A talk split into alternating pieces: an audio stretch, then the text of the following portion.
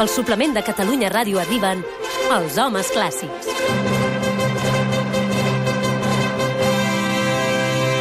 Ready, set, go! Ara anem bé. A veure si quan torni És l'escapa... aquesta la que us agrada? I tant. Sí. I tant. Però li hem de dir l'escapa que quan torni... Teniu un, rotllo, teniu un rotllo raro amb la sintonia, perquè jo crec que si li deu volem sentir la normal, us posarà la normal. Tu creus? Jo crec que sí. La reivindiquem des del primer dia. Ho provarem, eh? Ho Sí, provarem. Els que esteu sentint són el mestre Pardo i l'Albert Galceran. Heu tingut una bona entrada d'any? Home, Sí, tant. molt Si jo us digués ara que els primers dos oients que truquin al 93 201 7474 s'emporten dues entrades dobles per anar al Cirque du Soleil el 18 de gener, què em diríeu? Pues que ara truco. Un moment. Doncs vinga, tecleja el 90... No sé si arribaràs al primer, eh? No? Sí, a veure. Veure l'espectacle al Turuc. Tres... Està bé, no?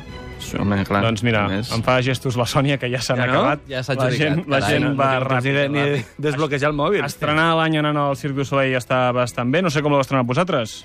Mm, Jo vaig anar a veure un musical a Londres. Ah, Ho vaig veure per bé. l'Instagram, sí, sí. sí, sí. És que ara pots saber què fa la gent no, mirant amaguem l'Instagram, eh? Bueno, publiquem el que volem publicar, també. Exacte. I misèries no surten. Jo bé, en família, en família. I eh, aquesta nit què fareu? Jo, mira, no sé si puc dir-ho, però jo aquesta tarda tinc retransmetre la cavalcada de Reis des d'Olesa, a Olesa Ràdio. això, això és una altra emissora, no? Sí, però bueno, és l'altra emissora. Doncs eh, On he crescut. farem on- una cosa, Cots, para la cinta. Tira un minut enrere. I ara et torno a preguntar, Albert Galceran, què faràs aquesta tarda? Escoltar Catalunya Ràdio. Mestre, part d'algun plan? Home, a, a, avui és un dia de nervis, eh? Jo ja, eh, si normalment els nervis arriben el dia 6 i el dia 5 avui els meus nens ja s'han aixecat. Que, que avui arriben els reis, arri avui arriben els reis, eh? I és que serà una nit molt complicada, com totes les nits del 5 al 6, perquè ni els pares ni els fills dormim bé, eh? Perquè mm. és allò, nervis, nervis, nervis. Tu no ho saps, Albert, perquè no tens No, fills. no ho sé, no ho Llavors, sé. bueno, el dia que en tinguis, si és que en tens algun dia... el que pues sí és ja... cert és que Escolta, quan... jo tampoc tinc fills, fem-nos un regal un a l'altre. Em sembla fantàstic. Oh, Fes-me un regal. Anem a que sopar alguna cosa. Oh, que bonic. En tot cas, jo sí que és veritat que no tinc fills, però recordo que quan era petit, el dia 6 al matí era el dia dels regals, de les joguines, però ara que m'he fet més grandet, per mi les joguines són això.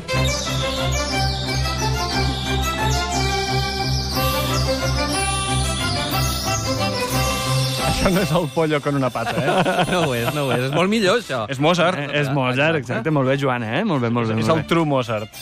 Però, de fet, em sembla que del Mozart que estàs pensant no és exactament, eh? Sinó sí que... és el això Mozart. No, no, això és la sinfonia de les joguines, eh? O la Kinder Symphony, que vol dir sinfonia dels nens, però que és de Leopold Mozart, eh? Deixa'm que m'hi o posi sigui, una del seu mica, pare. deixa'm que m'hi posi una mica, perquè ni Seu Pedro, pare, eh? ni El pare Joan... de Mozart, el pare aquí de hi ha- l'Amadeus. Hi ha molta discrepància perquè també hi ha qui diu que no és de Leopold Mozart, el pare de Mozart, Bueno, sinó de. Franz Joseph Haydn. Però, a més a més, hi ha una altra línia d'investigació. Unos hilillos de plastilina.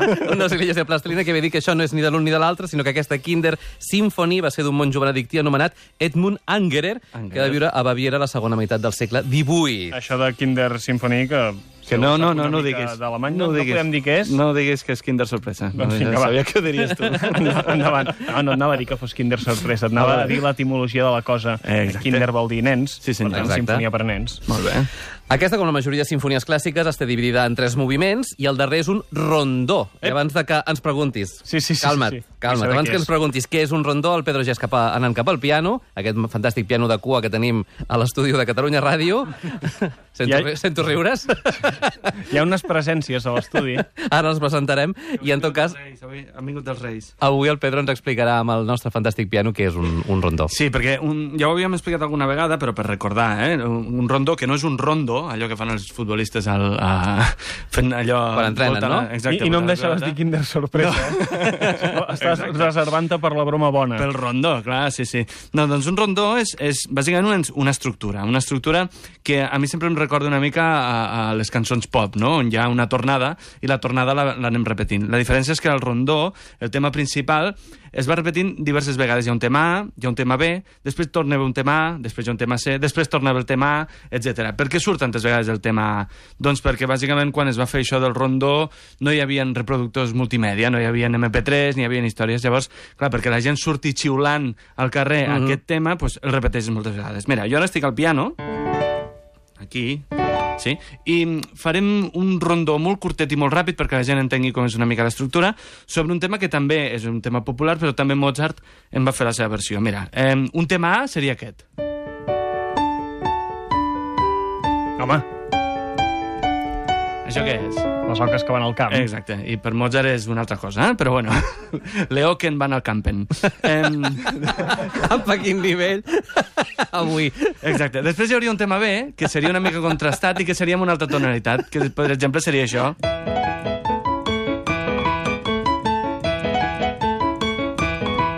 I tornem al tema A.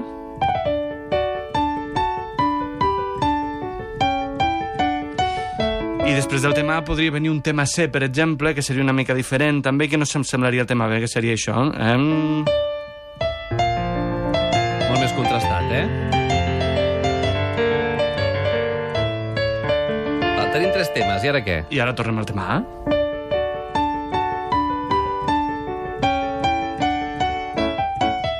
Què hem aconseguit amb això? Que el tema A hagi sortit com a mínim tres vegades i quan acabes, acabes xiulant el tuturu, turu, turu, Clar. tuturu, turu, turu, i per això tenim un rondó. I la segona va al darrere. Això que estàs tocant m'agrada bastant, però escolteu això.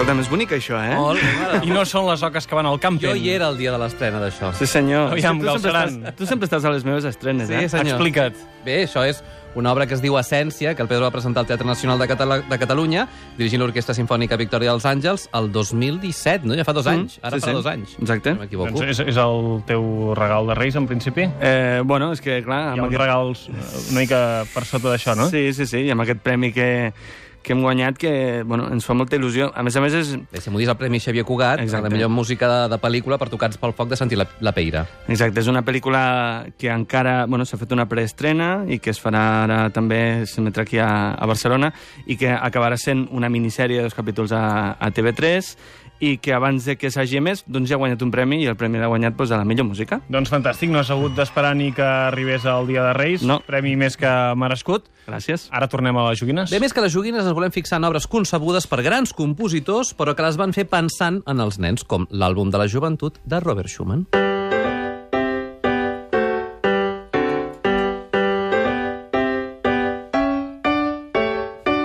Sembla un honky-tonky piano, això, eh? Però bueno, déu-n'hi-do. No, no puc evitar tornar a la cosa alemanya, però clar, això de Schumann és el senyor Sabata, eh? Exacte. Què volia aconseguir Schumann amb aquest àlbum? doncs mira, ell, ell eh, va compondre una sèrie de peces així fàcils per nens, però al final de l'àlbum va escriure tota una sèrie de consells que ell donava als joves estudiants de piano perquè aprenguessin la tècnica de l'instrument d'una manera molt sòlida. No? De fet, alguns consells jo encara els utilitzo a les meves classes Sí? de piano. Eh? Sí, sí, és una, una marxa de soldats, eh? Molt interessant, sí, sí.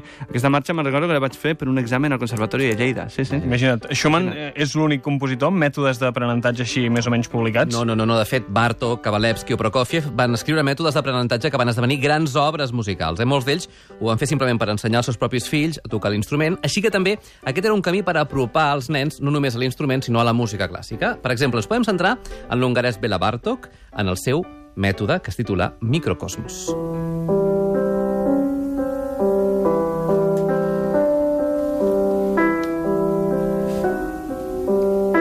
Això és una obra per piano. Eh, molt bé, tens bona oïda. Eh? És una obra per piano i, fins tot soroll de que fons. Santa Llúcia em conservi a la vista, tinc un guió al davant. Sense guió, igual hauria dit que era la flauta, vés a No, saber. exacte, i Santa No, la Cecília flauta ja et se la va quedar a conservi... l'escapa, eh? Sí, és el seu instrument. Exacte, sí, sí. De fet, és per piano, inclou aquest microcosmos 153 peces de dificultat creixent, o sigui, la primera és molt fàcil, molt fàcil, la segona una mica més, etc etc. més difícil, vull dir, i així fins la complicada peça número 153. Per exemple, aquesta que sentim és la número 97, i ja seria per un pianista, diguem-ne, avançat. Eh? De fet, aquest microcosmos de Bartók és una manera de marcar-se el repte de tocar cada cop millor aquest instrument, que Si, és el piano. si ho he entès bé, cada número és una és una mica més clar. difícil, Si una mica al més principi difícil. deus començar tocant una nota, Sí, sí, no, una nota no, però quatre notes per quatre dits, eh? Vull I al és final, molt- sí, sí, escolta. i al final dificilíssim. Uh, més enllà de la voluntat didàctica, hi ha clàssica escrita i pensada especialment perquè l'escoltin els nens. I Això tant. és molt important en aquestes dates, eh? Sí, sí, si més no, hi ha clàssica que s'ha utilitzat per fer espectacles infantils i una d'elles, justament, és típica de les dates que estem deixant enrere, el Nadal.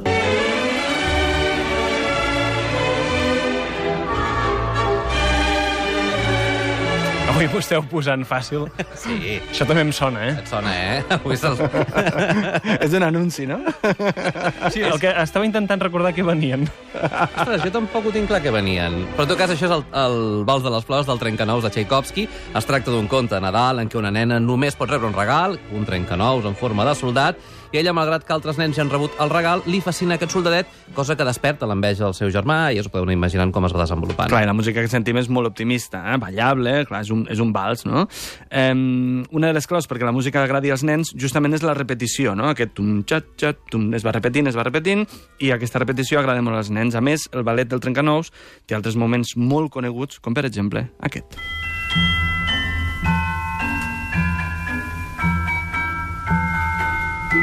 Això també és d'un anunci i fins i tot diré que d'alguna pel·lícula. Ah, això mateix. O la casa. Sí, sí. Exacte. I és que eh, aquesta és la, la coneguda fada de sucre, eh, que és Repa Clara, que és la nena del soldadet, el regne dels caramels. De nou, la música és una música mm, atractiva pel to oníric, quasi màgic, eh, que ens trasllada cap a aquest món imaginari del regne dels caramels i de la fada de sucre. I de la mateixa manera que hi ha obres de teatre infantil, suposo que també hi ha òperes infantils, eh? Exacte, com hi ha teatre infantil, hi ha òperes infantils, i de fet hi ha una òpera que va ser composta per divertir els fills del compositor. Uh. -huh. Aquesta. Ein Männlein steht És l'òpera Hansel i Gretel de Humperdinck, Humperdinck, un compositor que per Nadal es dedicava a compondre música per als seus fills, i animat per la seva germana va adaptar el conte de Hansel i Gretel dels germans Grimm i en va fer una òpera. Exacte, el resultat és una òpera infantil que el mateix Humperdinck va definir com a òpera de fades, eh? una, bon, una bona manera d'introduir els més petits en aquest llenguatge teatral i musical. De tota manera, si un personatge que agrada als nens, en parlàvem abans amb el Noguer, és el personatge de l'ocellaire, el Papageno, que té una música superbonica, com aquesta, ja veuràs.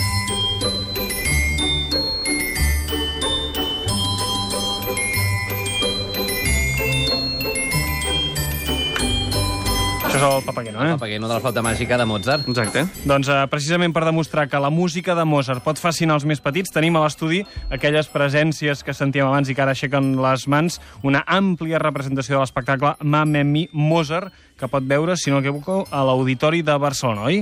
Així Nois? és. Imagina que t'equivoques. Home, doncs m'estaria equivocant davant d'Eduard Iniesta. Bon dia. Hola, què tal? Que ets eh, una mica el representant de la cosa, eh? Bueno, que vaig fer la direcció musical i els arranjaments. Uh -huh. I per què creus que Mozart eh, agrada tant als nens? Home, eh, perquè és molt vital. Realment eh, podríem dir que és el compositor terrenal, és el que connecta directament doncs, amb... El que passa que, aviam, també s'ha de dir que nosaltres vam seleccionar uns fragments que són els que entronquen directament uh -huh. més amb el món infantil. Clar, perquè us veuríeu en cor de fer un espectacle amb Wagner, per exemple? S'hauria de fer d'una nens, altra manera. Segurament hi trobaríem coses. Per exemple, ara vaig Diguéssim fer el de Beethoven. Mozart és més fàcil de baixar a terra, eh, diguéssim. Sí, perquè té aquestes melodies tan vitals i ell jugava amb la música. Clar. Llavors es nota molt que, que Aquesta d'alguna manera amb- mai va deixar el nen que tenia dins. Mm. I això de Mamma Mi Mozart, com s'us va ocórrer? Bueno, això va ser una idea del Pablo Paz, que és el director escènic, i va dir mama, mama, mama, mi, mama, mi, mama, mama, mi, Mozart. Teniu la sensació que, que mm, els nens quan venen a, a l'espectacle surten molt sorpresos perquè a casa n'escolten ben poca de música clàssica? sí, sí, aviam, aquest és un espectacle per nens de dos anys cap endavant. Mm. Llavors, doncs, clar, sí, veus una carència en aquest aspecte. Llavors, l'objectiu d'aquest espectacle és justament això, que eh, finalment estirin l'obra.